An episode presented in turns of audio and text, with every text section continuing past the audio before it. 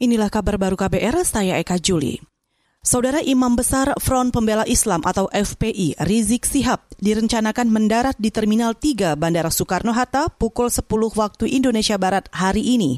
Sejumlah masa dan simpatisan FPI sudah mulai memadati ruas jalan menuju bandara. Dilansir dari CNN, kepulangan Rizik hari ini merupakan kabar pengumuman yang ketujuh sejak ia hengkang ke Arab Saudi pada April 2017. Saat itu, Rizik Sihab pertama kali dikabarkan akan pulang pada pertengahan 2017, namun belum terlaksana. Kuasa hukum menyebut ada upaya kriminalisasi jika Rizik kembali ke Indonesia.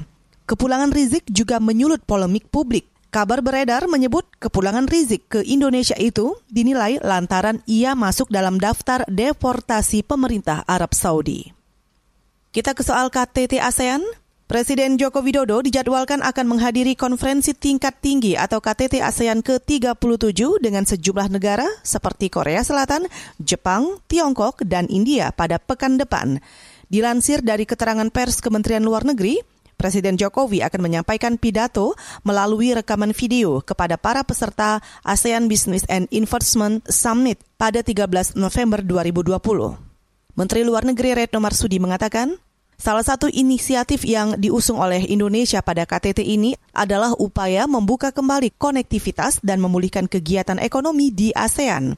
Selain itu, rangkaian KTT juga akan membahas langkah bersama untuk mencegah dampak yang lebih luas dari pandemi ini, khususnya terkait produksi vaksin.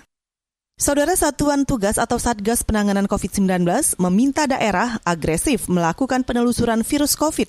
Kepala Bidang Penanganan Kesehatan Satgas COVID-19 Alexander K. Ginting menegaskan, pasien positif COVID-19 selanjutnya harus segera diberi perawatan sejak gejala ringan. Kontak tracing agresif harus tetap dilaksanakan di tingkat kecamatan, di tingkat puskesmas dalam rangka menghentikan penularan. Pada kasus-kasus yang kontak erat dan yang terkonfirmasi bisa kita lakukan pengobatan ataupun diisolasi dalam rangka menekan angka kematian dan angka kesakitan, baik yang di rumah sakit maupun yang ada di komunitas. Salah satunya adalah dengan mengirimkan pasien secara cepat dan tepat dengan gejala ringan ke rumah sakit ataupun ke klinik.